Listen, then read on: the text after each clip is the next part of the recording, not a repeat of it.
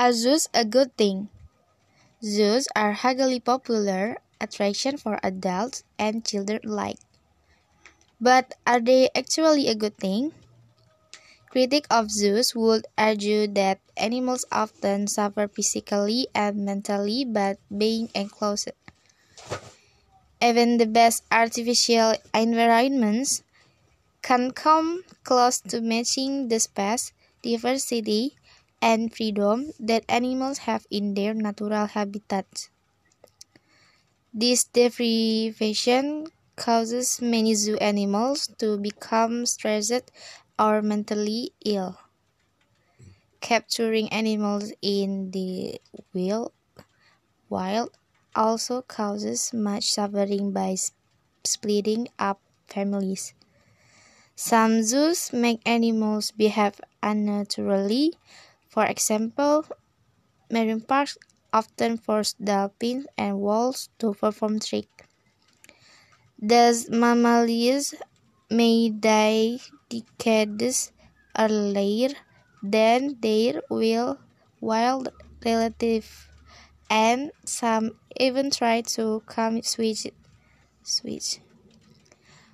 On the other hand, by bringing people and animals together, Zoos have the potential to educate the public about conservation issues and inspire people to protect animals and their habitat.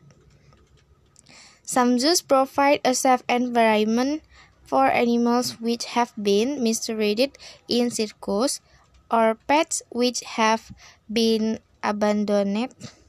Zoos also carry out important research into subjects like animal behavior and how to treat illnesses. One of the most important modern functions of zoos is supporting international breeding programs, particularly for endangered species in the wild.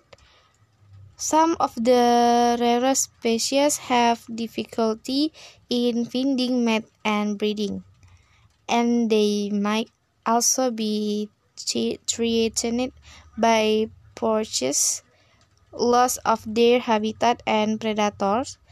A good zoo will enable the species to live and breed in a secure environment. In addition, as number of some will species drop, there is an increased danger of population becoming to generally, genetically similar.